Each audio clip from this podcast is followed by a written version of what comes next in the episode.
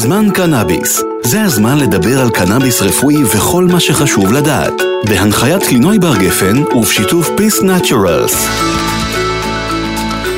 שלום לכם, תודה רבה שבחרתם להאזין לפודקאסט שבו אנחנו נדבר על היבטים שונים של עולם הקנאביס. בזמן קנאביס אנחנו משוחחים עם מומחים ומומחיות שמספרים לנו גם על יכולות הטיפול של הזנים השונים, על אה, חשיבות הגידול, האריזה, כל מה שהמטופלים צריכים לדעת, רוצים לדעת, ולא תמיד יודעים היכן המידע הזה נמצא. בפרק הזה אנחנו רוצים לדבר על השימוש הנכון בקנאביס. בכל טיפול תרופתי שניתן למטופלים, יש חשיבות גדולה לצריכה הנכונה ולתת הדרכה ראויה למטופל, כדי לספק את הטיפול האפקטיבי, המועיל ביותר עבורו, עם כמה שפחות תופעות לוואי. לצערנו, במציאות הנוכחית לא הרבה מטופלים זוכים לכך, וזה משפיע על איכות הטיפול, על היעילות, על היכולת באמת להצליח אה, ולשקם את מצבם של המטופלים. מירי אוגינץ היא אחות אחראית בתחום ליווי והדרכה למטופלי קנאביס במכון הכאב בבית החולים רמב"ם, והיא גם אחות ראשית בסייקי מדיקל. כבר 12 שנים היא מדריכה ומלווה מטופלים לשימוש נכון בקנאביס רפואי, והיום היא מצטרפת אליי כאן באולפן. שלום מירי. שלום לינוי. קודם כל, איך בכלל הגעת לתחום הזה? היית אה, אחות במחלקה פנימית, מתי נחשפת לעניין? אני קודם כל עדיין אחות במחלקה פנימית, זה תחום שאני מאוד אוהבת ולכן אני שומרת עליו ואני עובדת גם שם. אמ, אבל אה, לפני כ-13 שנים אה, עברתי בעצם לעבוד במכון לרפואת כאב, ובמקביל חברה שלי חלתה בסרטן. אמ, שלושה שבועות לפני שהיא נפטרה, אה, בעצם היא קיבלה את אותו רישיון מיוחל לשימוש בקנאביס רפואי, אנחנו בעצם מדברים על uh, uh, תקופה שהשימוש היה הרבה פחות נפוץ. אם אני זוכרת נכון, בישראל היו אז סדר גודל של שלושת, שלושת אלפים מטופלים שהשתמשו בקנאביס רפואי. והיא צלצלה אליי ואמרה לי, את יודעת מה עושים עם זה? את יודעת איך מקבלים? את יודעת איך הם משתמשים? אמרתי לה, האמת שאני ממש לא יודעת כלום, נברר. Uh, ופניתי באמת, באמת אז למי שניהל את המכון לרפואת כאב, uh, פרופסור אייזנברג, שאלתי אותו האם אה, יש לו מושג, הוא אמר, יש לנו נורא מעט מטופלים, אני לא בדיוק יודע, אבל אתם אמורים לקבל הדרכה במשרד הבריאות. ואכן נסענו אה, לאותה כתובת שאני באופן אישי חשבתי שאני נוסעת לאותו משרד הבריאות אה, לקבל הדרכה. הגענו, היה שם בחור ובאמת היה לו חלוק לבן, והוא שאל אותה כמה שאלות מקדימות, אה, האם היא יודעת לעשן? והיא אמרה שהיא ישנה פעם או ניסתה, אבל היא לא מעשנת פעילה כרגע. והוא שאל אותה אם היא יודעת לגלגל, והיא אמרה שלא. אז הוא אמר לו, לא נורא, אה, תקבלי סיגריות מוכנות. ואז הוא נתן לה את החבילה שדאז מטופלים קיבלו 40 גרם. עכשיו, 40 גרם בסיגריות מוכנות, כדי לדמיין את 80 זה... 80 סיגריות. נכון, זה המון סיגריות מוכנות, זה מין כן. חבילה מאוד משמעותית. אמ, והוא אמר לה, זאת, עכשיו זאת ההדרכה, את יכולה להפסיק את כל התרופות שאת לוקחת ולהתחיל לעשן. את כולן? זאת הייתה הדרכה. ואני, okay. אוקיי. האחות שעמדה ליד, אמרתי בבהלה, מעטה, איזה תרופות להפסיק, אה, תרופות לכאב, לשינה, לתיאבון, כימותרפיה, ביולוגי, מה מפסיקים? כן. אז הוא אמר, לא, לא, את זה תשאלו את הרופא. אוקיי. okay. הדבר הבא שקרה זה שאנחנו נסענו בעצם חזרה הביתה ברכבת, ואני שעד אז הייתי אה, ילדה טובה, די, די ילדה טובה ירושלים, אה, החזקתי את השקית הריחנית אה, חזק חזק קרוב אליי, ואנשים ברכבת אמרו, מה זה הריח הזה? מה זה הריח הזה? זה בערך היה הרגע שבו הבנתי שחברה שלי כנראה לא תיגע בזה לעולם, וחבל, באמת? כן? היא נפטרה אחרי שלושה שבועות, היא אכן אה, לא הצליחה בכלל להשתמש, היא לא ידעה איך, היא השתעלה נורא. אף אחד לא אמר שום דבר, מה עושים, מה לפני, אחרי, לא עם התרופות, שן, במקום לא התרופות. לא היה שמן, לא היה אידוי, לא היה שום דבר. לא, כזה. שום דבר לא היה ברור. אה, בסופו של יום, אה, אחרי שהיא נפטרה, אנחנו זרקנו את השקית הריחנית, הורדנו את המים. אה, ואני חזרתי אה, למכון ואמרתי, חברים, יש לכם מושג מה קורה? אנחנו נותנים טיפול לאנשים. זה לא משנה שקנאביס הוא בכלל, הוא נחשב, לא, זו לא תרופה. הוא נקרא סם מסוכן במדינת ישראל. אבל זה חלק מהטיפול של האנשים שאנחנו מטפלים בהם פה. ולאנשים האלה יש מחלות סרטן, ומחלות לב, ומחלות ריאה, ויש להם סכרת, ויש להם יתר לחץ דם, ויש להם מלא תרופות נוספות, ותרופות לכאב. איך אנחנו יכולים ככה לטפל בהם? הבנו שאנחנו בבעיה, ובעצם אה, החלטנו ש... את, רגע, את מדברת ברבים. הבנו, זה אני מהר- והרופאים. זהו, זו השאלה. את באמת מצאת אוזן בקלות, לגמרי. אוזן קשבת. לגמרי, ו- אה, לגמרי, כן? הבנה מלאה שאנחנו פה, יש לנו שתי אפשרויות, או שכמו אה, שאר המרפאות, וזה זה דבר ידוע, תלו שלט גדול כאן, לא נותנים קנאביס, כן. או שאנחנו אה, מנהלים את הטיפול. אלה היו שתי ובשביל זה אפשרויות. צריך ללמוד. בשביל זה צריך ללמוד, בשביל זה צריך אה, להקצות משאבים, בשביל זה צריך לפתוח מרפאת אחות, ובעצם אה, לתת מקום בתוך אה, מסגרת ש- ציבורית. אה, וזה אחד הדברים שאני מאוד מאוד אה, גאה בהם, שאנחנו עושים את זה היום, אה, ואין אה, אין, אין היום בעצם מקומות שעוסקים בזה בצורה כזאת. יש משהו שקורה כעת אה, בתל השומר, ואני מקווה שזה יגדל ויתפתח, אבל אה, נכון להיום, אני, יש לי מרפאת אחות, ורק כדי לסבר את האוזן, התחלנו, היו לנו 20 מטופלים. אנחנו היום על מעל 2,000 מטופלים, אנחנו מטפלים במטופלים שמת, שהם המטופלים שלנו במכון לרפואת כאב. בעצם יש תהליך, כשהרופא שמכיר את המטופל מחליט שהוא רוצה לתת לו רישיון לשימוש בקנאביס רפואי, אותו מטופל מגיע אליי והתהליך בעצם מתחיל אצלי. כאשר אה, התהליך הראשוני הוא נורא נורא חשוב, כי כשאתה כותב באינטרנט קנאביס רפואי, אתה תקבל מיליון דעות, אה, רעיונות, כן, וצריך לברור. וצריך לברור אה, מה נכון, מה פחות נכון, מה אמיתי, מה לא כל כך. עדיין אני מניחה שאפילו בשלב הזה, כשאנחנו כבר 12 שנים אחרי, אה, עדיין, עדיין כל יום לומדים משהו חדש, כל נכון? יום. אני תמיד אומרת, קנאביס זאת מילה קטנה, שמכילה בתוכה לפחות 500 מרכיבים שונים, שאת רובם אנחנו אה, מכירים באופן חלקי בלבד, מכירים רק באופן חלקי את ההשפעה המדויקת שלהם. אנחנו לחלוטין לא נמצאים במקום שבו אנחנו יכולים להגיד, אם יש לי מחלת מעי דלקתית, אני אמור לקחת קנאביס מסוג X. אבל אם יש לי מחלת כאב... ולצרוך אותו כך וכך פעמים ביום, ובשיטה נכון. הזו והזו. ואם יש לי מחלת כאב, אני כן. צריך בעצם קנאביס מסוג Y. אין לנו את היכולת הזאת. אה, ואם זה פותחים את הרשת, זה מסוים. שם. כן, זה עדיין יער מסוים, אנחנו עדיין זה יער מאוד לא גדול. יצאנו מהיער הזה. זה יער מאוד גדול, וייקח זמן, אבל אני מאמינה שבאמצעות מחקר טוב אנחנו נוכל לצאת ממנו. אה, בצורה הדרגתית. כמובן. זה ייקח זמן. אבל כיום, מה זה אומר בעצם שימוש נכון בקנאביס? מגיע המטופל, איך את מתאימה? אז, אז קודם כל, אה, צעד אחד אחורה, תיאום ציפיות. מטופלים מגיעים, הם קראו כבר את כל דוקטור גוגל, פייסבוק, אינטרנט, הם שמעו הכל, הם ראו איך זה הציל את השכן, הם רוצים גם, אני יכולה להבין את זה אני לחלוטין. מניחה גם שיש כאלה שמגיעים עם פחדים לא מבוססים גם. והצד השני של הדבר הזה, כן. זה אנשים שמגיעים עם פחדים, ועם סטיגמות, ועם חשש אה, מהקהילה שבה הם חיים. אה, היה לי כבר, אה, לצערי, מטופל, שכשהוא הבין במה מדובר, הוא, אמרו לו, תיגש לאחות, והיא תיתן לך את ההסברים, ואתה צריך להתחיל קנאביס רפואי, הוא היה חולה אונקולוגי סופני, וכשהוא הבין במה מדובר, הוא אמר, לא, אני לא יכול לחזור לקהילה שלי, ינדו אותי. אתה עומד למות. אני לא יכול לחזור לקהילה שלי, ינדו אותי. אני, הוא לא לקח את זה, והוא אוי, נפטר אחרי. כמה שבועות. והוא לא הצליח להתגבר על ה... כל דבר שאמרתי או עשיתי, לא עזר. לא עזר, לצערי. כן.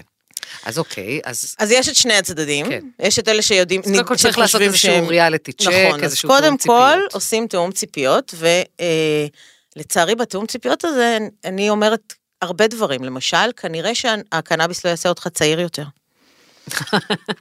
וכנראה שהוא גם לא יעשה אותך, יבריא אותך ממחלת הבסיס שלך, זאת אומרת, כן. אם יש לך מחלת מעי דלקתית, או אם יש לך טרשת נפוצה או פרקינסון, אתה לא תהיה בריא, אנחנו מקלים על הסימפטומים. נכון, לא- אנחנו לא מטפלים מרפאים. בסימפטומים, שזה הרבה מאוד פעמים אבן מאוד מאוד קשה לעיכול, כן. האירוע הזה. מה זאת אומרת? הגעתי כבר לקנאביס, עכשיו זה גם לא ירפא אותי? אז למה אני צריך? אמ, ודבר נוסף זה בעצם, קנאביס הוא תהליך. לא עובד מהשלב, מהטיפה הראשונה, לא יעבוד מהשאיפה הראשונה. אה, בעיקר החודש הראשון, הטיפול הוא בעצם, הדבר החשוב ביותר, זה בעצם למנוע תופעות לוואי, להבין מה הכי נכון עבורך, גם מבחינת המחלות שלך, גם מבחינת התרופות שלך, גם מבחינת תופעות הלוואי, וגם מבחינת אה, סדר היום שלך. רגע, אני רוצה להתעכב רגע, אמרת, מבחינת התרופות שלך, ולחבר את זה למה שסיפרת על מה שקרה אז במשרד הבריאות. זה כש... לא היה במשרד הבריאות, זה היה ב... במה? ב... ב... ב... אני קוראת למקום חנות קטנה ומטריפה. אוקיי. כשמסביר, המדריך נקרא לו, בחלוק הלבן. אה, כן, הכל. תפסיק לקחת את כל התרופות שלך. כיום. כיום. המשפט הראשון והכי חשוב שאני אומרת למטופל בהדרכה, הכי חשוב, הראשון. אני לא מתחילה הדרכה בלי זה, אני אומרת, אנחנו לא מפסיקים שום דבר. אנחנו לא יודעים איך זה ישפיע עליך. כמו כל תרופה אחרת, יש אנשים שתרופות מסוימות מטיבות איתם, ויש אנשים שלא. לכן, למשל, יש הרבה מאוד סוגים של תרופות לכאב, כי לא כל התרופות, לא כל תרופה מתאימה לכולם.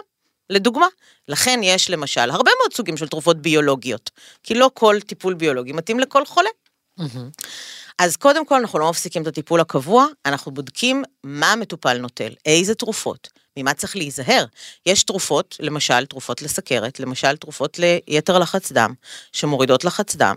צריך בשבועות הראשונים מאוד לשים לב, אדם מבוגר שיש לו גם מחלת לב ויש לו גם אה, יתר לחץ דם, מתחיל שימוש בקנאביס, לא קיבל הדרכה נכונה ולוקח תרופות ללחץ דם, יכול להיווצר מצב שבו תהיה ירידה מאוד מאוד משמעותית בלחץ הדם, וחס וחלילה יכול לגרום לנפילות ולחבלות, כן, להרבה מאוד דברים. מאוד. אה, וזה נורא מסוכן, בעיקר מאוד מאוד מסוכן באנשים מבוגרים, שכל שבר בשבילהם או כל זה הסתבכות. וזה בעצם הידרדרות שהופכת להיות מאוד משמעותית אה, בהמשך.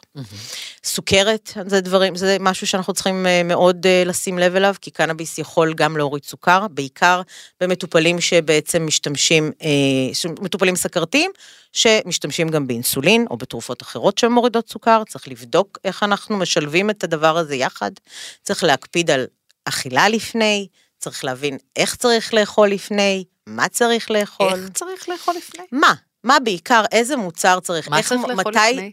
למשל, אה, במטופלים סכרתיים, יש צורך לעשות מעקב מאוד סדיר בשבועיים הראשונים. צריך למדוד סוכר. אחרי כן, אה, כמו שזה הרוטינה הרגילה, אתה מודד סוכר, אתה מזריק אינסולין, אתה אוכל. Mm-hmm. עד כאן הכל, אה, הכל רגיל. ואז אתה משתמש בעצם בקנאביס. המטרה של, של השימוש אחרי האוכל זה בעצם למנוע את הירידה המשמעותית מאוד בסוכר. אנחנו בעצם לא יודעים איך קנאביס משפיע על אה, משק הסוכרים בגוף שלנו, זה משהו שהוא עדיין אה, במחקר, אחד הדברים שאנחנו לגמרי לא יודעים, למשל ביתר לחץ דם אנחנו יודעים שקנאביס מרחיב כלי דם ולכן הוא מוריד לחצי דם. זו תופעה אה, רגילה, ו, וזה גם מה שעושים תרופות ללחץ דם. בסוכר עוד לא, אנחנו עוד לא יודעים איך זה, מה קורה. בעצם אנחנו כן יודעים שיש ירידה ברמות הסוכר, ואז חצי שעה אחרי השימוש בקנאביס, צריך למדוד סוכר. ואם משתמשים בעישון, אז זה באמת 20 דקות אחרי, אבל אם משתמש, משתמשים בשמן, ושמן תחילת הפעולה שלו היא בין חצי שעה לשעתיים, אז הירידה ברמות הסוכר, אם הוא מגיע לשיא רק אחרי שעתיים, יכולה להתרחש שם. אז כאן באמת את מובילה אותי לשאלה הבאה, גם איך את מתאימה את דרך השימוש. האם דרך בשמן השימוש, או באידוי או בעישון? אנחנו, או... קודם כל אנחנו עושים את זה ביחד עם הרופא ועם המטופל. אנחנו עושים החלטה אה, משולבת. הרבה מטופלים, אה, הצעירים יותר, לפעמים מגיעים עם איזשהו ניסיון. אנחנו מתחשבים בניסיון הזה, זאת אומרת, אם, אם מטופל כבר השתמש במה שהוא יודע שזה עוזר לו, אנחנו מנסים בעצם אה, לבדוק אם אפשר להמשיך את אותו טיפול. Uh, במידה, יש הרבה מטופלים שיגידו, אני לא יכול בכלל בכלל לעשן, אני לא עישנתי בחיים, וכמובן שלאנשים שהם לא מעשנים, אנחנו בהחלט לא רוצים לעודד uh, עישון, ואז בעצם אנחנו בוחרים בין שמן לבין uh, שימוש במשאף. Uh, כמו שאמרתי, שלוש צורות מתן, uh, תפרחות שאפשר לעשן כסיגריה או במכשיר אידוי, שמנים, אה, והשימוש בעצם במשאף. כאן גם מצטרפות כל מיני אמונות, אמונות לגבי אה, התועלת. את יודעת, אה, בשמן זה יעיל פחות, ב- בתפרחת זה יעיל יותר. אם את לוקחת כבר, קונה מהחברה את הסיגריות המגולגלות, שתדעי שאת קונה את הסכלה של. הצמח. כן. כן. אה, איך את מסתדרת עם האמונות האלה כשהן מגיעות אלייך? אני, אנחנו, הם, קודם כל הן מגיעות תמיד, זאת, כן. ה, זאת הפגישה הכי ארוכה, ל, לנסות ל, להסביר, לנקש את ה... כן, כן. לנקש את העשבים ולנסות להסביר. אה, יש גם מטופלים שעשו איזשהו ניסיון, לא מבוקר, ללא, ו- וקיבלו איזושהי תופעת לוואי איומה והם ממש בחשש עכשיו מה יקרה. אה, כל צורת אה, טיפול, צריך לתת לה את ההדרכה הייעודית לה. אחד הדברים החשובים בתפרחות זה לא לערבב עם טבק. אנשים אה. רגילים משימוש חברתי הרבה פעמים. כן. ערבוב בטבק.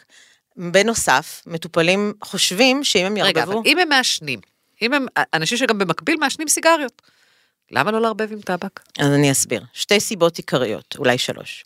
אחת, הטבק נשרף בטמפרטורה שונה מהקנאביס, והוא שורף חומרים פעילים שכנראה יעילים עבור הגוף שלנו, שלא יגיעו אלינו כי ערבבנו בטבק. אהה. למשל. דבר שני, יותר חשוב, התפרחת נשרפת הרבה יותר מהר כשיש טבק בפנים. זאת אומרת, זה ייגמר יותר מהר. חולה חוזר אליי, אומר, לא מספיק לי, שאלה ראשונה, אתה מערבב? בטבק? כן. כן, אוקיי, אז תפסיק. אז תפסיק. אבל זה לא טוב. אומרים, אבל זה קשה לי. שורף לי, כן. למה? כי כשאתה מעשן סיגריה רגילה, יש בפנים חומרים ש- מאלחשים את זה, שמונעים את הצריבה בגרון. נכון. אז אחד הדברים הכי חלק חשובים... מהדרך של חברות הטבק למכר אותנו נכון, לסיגריות. נכון. כן. אז uh, הדרכה חשובה, קודם כל, כדי להימנע מצריבה בגרון, צריך לשתות כמה לגימות של משהו קר לפני, וזה מונע את הצריבה ואת השיעול. אחד הדברים החשובים, אם אתה חולים חוזרים, אומרים, אני נורא משתעל, אוקיי? מה אמרנו לגבי זה? צריך לשאוף לא עמוק מדי, לא חזק מדי, אין צורך בזה. שאיפה רגילה, ואז אתה לא, פח, הרבה פחות תשתעל. עד כמה הדוק הקשר עם הפציינט בתוך התהליך של ההדרכה והליווי? אני מניחה שמן הסתם בשבועות הראשונים יותר הדוק. אז אה, יש לנו תוכנית, כך? יש לנו תוכנית. אה, בתוכנית, אה, מה שקורה זה שהמטופל מקבל את הראשון, מגיע להדרכה ראשונה, שהיא הדרכה בעצם פרונטלית. אנחנו, אה, זה על יבש כמובן, אנחנו לא מעשנים, אבל יש הדרכה לאיך גם איך לשלב את כל הטיפול התרופתי בכאב. רוב המטופלים שלנו הם, הם מטופלי כאב, הם הרבה פעמים רוצים לקחת את שקית התרופות, לזרוק אותה לאסלה ולהוריד את המים. רק עצם הבעיה הזאת יכולה לגרום להמון תופעות לוואי. אז קודם כל עושים תוכנית על איך, איך נתחיל בהמשך להפחית את התרופות לכאב בצורה, אה, ירידה הדרגתית, אחרת אנחנו יכולים לגרום גם קריזי. לבעיה של, אה, בדיוק. כן. אה, ובשלב הבא, אה, בעצם יש לי שיחה קבועה עם המטופלים בכל יום ראשון, שיחה טלפונית. אה, בכל הארבעה, שישה, שבעה שבועות הראשונים, כל יום ראשון, המטופלים יש להם את הטלפון שלי, יש להם את המייל שלי, יכולים לפנות גם באמצע השבוע, עם משהו דחוף, ואנחנו בעצם קובעים תוכנית למשך שבעה ימים. מהשיחה האחרונה ביום א' עד השיחה הבאה, כאשר ככלל אצבע אנחנו מנסים להעלות בהדרגה את המינון, אם יש צורך, ואם יש תופעות לוואי, חוזרים למינון הקודם ועוצרים ומחכים ל, ל, בעצם, לתת, מנסים לתת לגוף להתרגל עד יום א' הבא. זאת, ב, זאת בעצם התוכנית. ברוב המטופלים אנחנו מגיעים לאיזשהו שיפור, שינוי די מהר, בין שבועיים לשלושה, ארבעה שבועות. אה, מטופלים שלא מסתדרים הם בדרך כלל כאלה שלא מסתדרים ממש בהתחלה, ואז אנחנו בעצם שוקלים יחד עם הרופא המטפל, האם צריך להחליף את צורת השימוש. זאת אומרת, אה, למשל, אה, יש שימוש בשמנים. השימוש בשמנים הוא נשמע קל למטופלים, הם רוצים נכון. רק. שמן, לא צריך לעשן, לא צריך לגלגל, לא צריך מכשיר אידוי, לא צריך זה. אבל מטופלים אה, לא כל כך אה, אה, מכירים ומבינים את המהות של השימוש בשמן. אה, למשל, מטופלים שסובלים מבחילות כתוצאה מתרופות, או נגיד מטיפולים כימותרפיים. הם מטופלים שאם הם ייקחו שמן, מאחר ושמן הוא לא נספג בחלל הפה, ב-99% ממנו נספג רק אחרי אה, בליעה במערכת העיכול, הוא עובר גם שינויים בכבד, אה, הוא עלול גם להחמיר בחילה. אז למשל, אנשים עם בחילה, לא, יעיל עבורם בדרך כלל להתחיל טיפול בשמן. לפעמים מתעקשים, ואנחנו מתחילים ומבינים את אין זה. מה לעשות, כן. נכון. Uh, הרבה מאוד מטופלים שיש להם בעיות ספיגה שב, של מערכת העיכול אחרי ניתוחים. Uh, הם, מטופלים שיספגו הרבה פחות טוב את השמן, ולכן צריך לשקול את הנושא הזה. מטופלים שיש להם בעיה עם uh, טעם בפה, טע, השמן יש לו טעם. Uh, יש משהו שהוא מאוד, uh, ש, שאיכשהו גילינו רק בשנים האחרונות, אה, כשהחברות החלו לעשות בעצם מיצוי של, אה, של הקנאביס על בסיס של שמנים שונים. זאת אומרת, אתה יכול לגשת לבית המרקחת ולקנות על בסיס קוקוס, על בסיס דקל, שמן דקל, על בסיס אה, שמן זית, על בסיס אה, שמן... אה, בתכלס יש לזה משמעות? אה, אנחנו לא בדיוק יודעים, אבל אנחנו רואים שיש אנשים ש... אה, שמגיבים ש- אחרת לאלה ש- ולאלה? שלא, שמרגישים רע עם שמן צמחי מסוים. או לחילופין, יש אנשים שיש להם למשל רגישות לשמן זית. וואלה? או בכלל לזיתים, כן? אז אנחנו מקפידים מאוד לפני בחירת המוצר, למשל אם רוצים לבחור שמן, אז קודם כל אנחנו מוודאים שאתה יודע שאין לך רגישות לשמן זית, שמן קוקוס, שמן דקל כן. אף אחד לא ממש יודע, כי זה לא מוצר שמשתמשים בו הרבה, אבל צריך לוודא את זה, אם אני לוקחת את אה, מירי של אה, לפני 12 שנה, שלא ידע כלום, שלא ידע שלא ידע שיש לזה ריח. כן. ומפגישה אותה עם אה, מירי של היום, מה היית אומרת לה? אה, אני הרבה פעמים אומרת שאם מישהו היה מספר לי אז שזה יהיה אחד העיסוקים המרכזיים שלי היום, ליווי והדרכה למטופלים, אז הייתי שולחת אותו לפסיכיאטר המחוזי הקרוב אה, למקום אה, ביתו, מה שנקרא. שיעשה לו מה שהוא חושב שצריך לעשות עם, אה, עם חולים. למדתי המון, עם זאת, אה, ואני, יש לי קורס שאנחנו מעבירים מטעם בית הספר אה, לכאב. אה, במהלך השנים עסקתי בכל המחקרים אה, במשאף, אה, ושם אנחנו יכולים קצת אה, לתת מענה הרבה יותר טוב, כי אנחנו בעצם כן יודעים כל הזמן באופן תדיר איזה מינון ניתן, ואנחנו יכולים לנהל את הטיפול טוב יותר. העתקתי את המערך של רמב"ם לחברת סייקי, שזה מבחינתי הישג מאוד מאוד גדול, לקחת חברה מסחרית ולשכנע שבלי אחיות אי אפשר לטפל במטופלים. אה, לדעתי זה אחד, ה, אחד הדברים שאני יותר גאה בהם, גם בזה שהצלחתי לשכנע את רמב"ם שצריך אה, לפתוח מרפאת אחות ל- ל- למטופלים, אני מאוד גאה, אבל גם בזה אני מאוד גאה, ואני חושבת שאי אפשר, כמו שאי אפשר לקבל טיפול כימותרפי, אי אפשר לקבל טיפול ביולוגי בלי שמישהו ידריך אותך, מה יהיו תופעות הלוואי, איך לוקחים, מתי לוקחים, אי אפשר, זה מאוד בעיה. משמעותי, אין ספק. מירי אוגינס, תודה רבה. תודה רבה לינוי. ועכשיו נעבור לפינתנו מידע מועיל למטופל המתחיל, שתגיש לנו רוני כץ עמיחי, סמנכ"לית שיווק ומכירות של קרונוס ישראל. מידע מועיל למטופל המתחיל, והפעם, מתי צריך לחדש רישיון? מטופלים רבים לא יודעים מתי הם צריכים לחדש את רישיון הקנאביס הרפואי שלהם, ואיך הם יכולים לעשות את זה. תוקף רישיון הקנאביס הרפואי הוא בדרך כלל לחצי שנה. את חידוש הרישיון, כמו גם חידוש המרשם, יש לבצע בפגישה עם הרופא המומחה המטפל בכם, שתחום ההתמחות שלו תואם את ההתוויה הרפואית, כלומר, את המצב הרפואי הרלוונטי בגינו קיבלתם את ההיתר לתחילת הטיפול.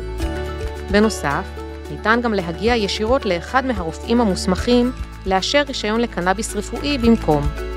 את רשימת הרופאים ניתן למצוא באתר משרד הבריאות.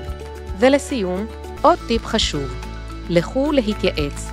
מניסיוננו, אנחנו יודעים שלמטופלים יש שאלות, אבל הם חוששים להתייעץ ומתביישים לשאול. בכל שאלה, תנו לרופא או לרוקח, הם שם בשבילכם. תודה, רוני. בפרק הזה שמענו על חשיבות ההדרכה והשימוש הנכון בקנאביס רפואי. לא כל אדם שמקבל רישיון להשתמש בקנאביס יודע בכלל איך לקחת אותו, וכדי לקבל את הטיפול המיטבי צריך הדרכה וליווי צמוד של אנשי מקצוע שהוכשרו לזה. צריך לתאם ציפיות, להגדיר מטרות, לסמן יעדים עם המטופלים, זה צעד חשוב כדי ליצור קרקע טיפולית פורייה ויעילה. תודה רבה לכם שהאזנתם לזמן קנאביס, לפרקים נוספים הצטרפו אלינו בספוטיפיי ובאפליקציות הפודקאסטים המוכרות. זמן קנאביס. זה הזמן לדבר על קנאביס רפואי וכל מה שחשוב לדעת. בהנחיית קלינוי בר גפן ובשיתוף Peace Naturals.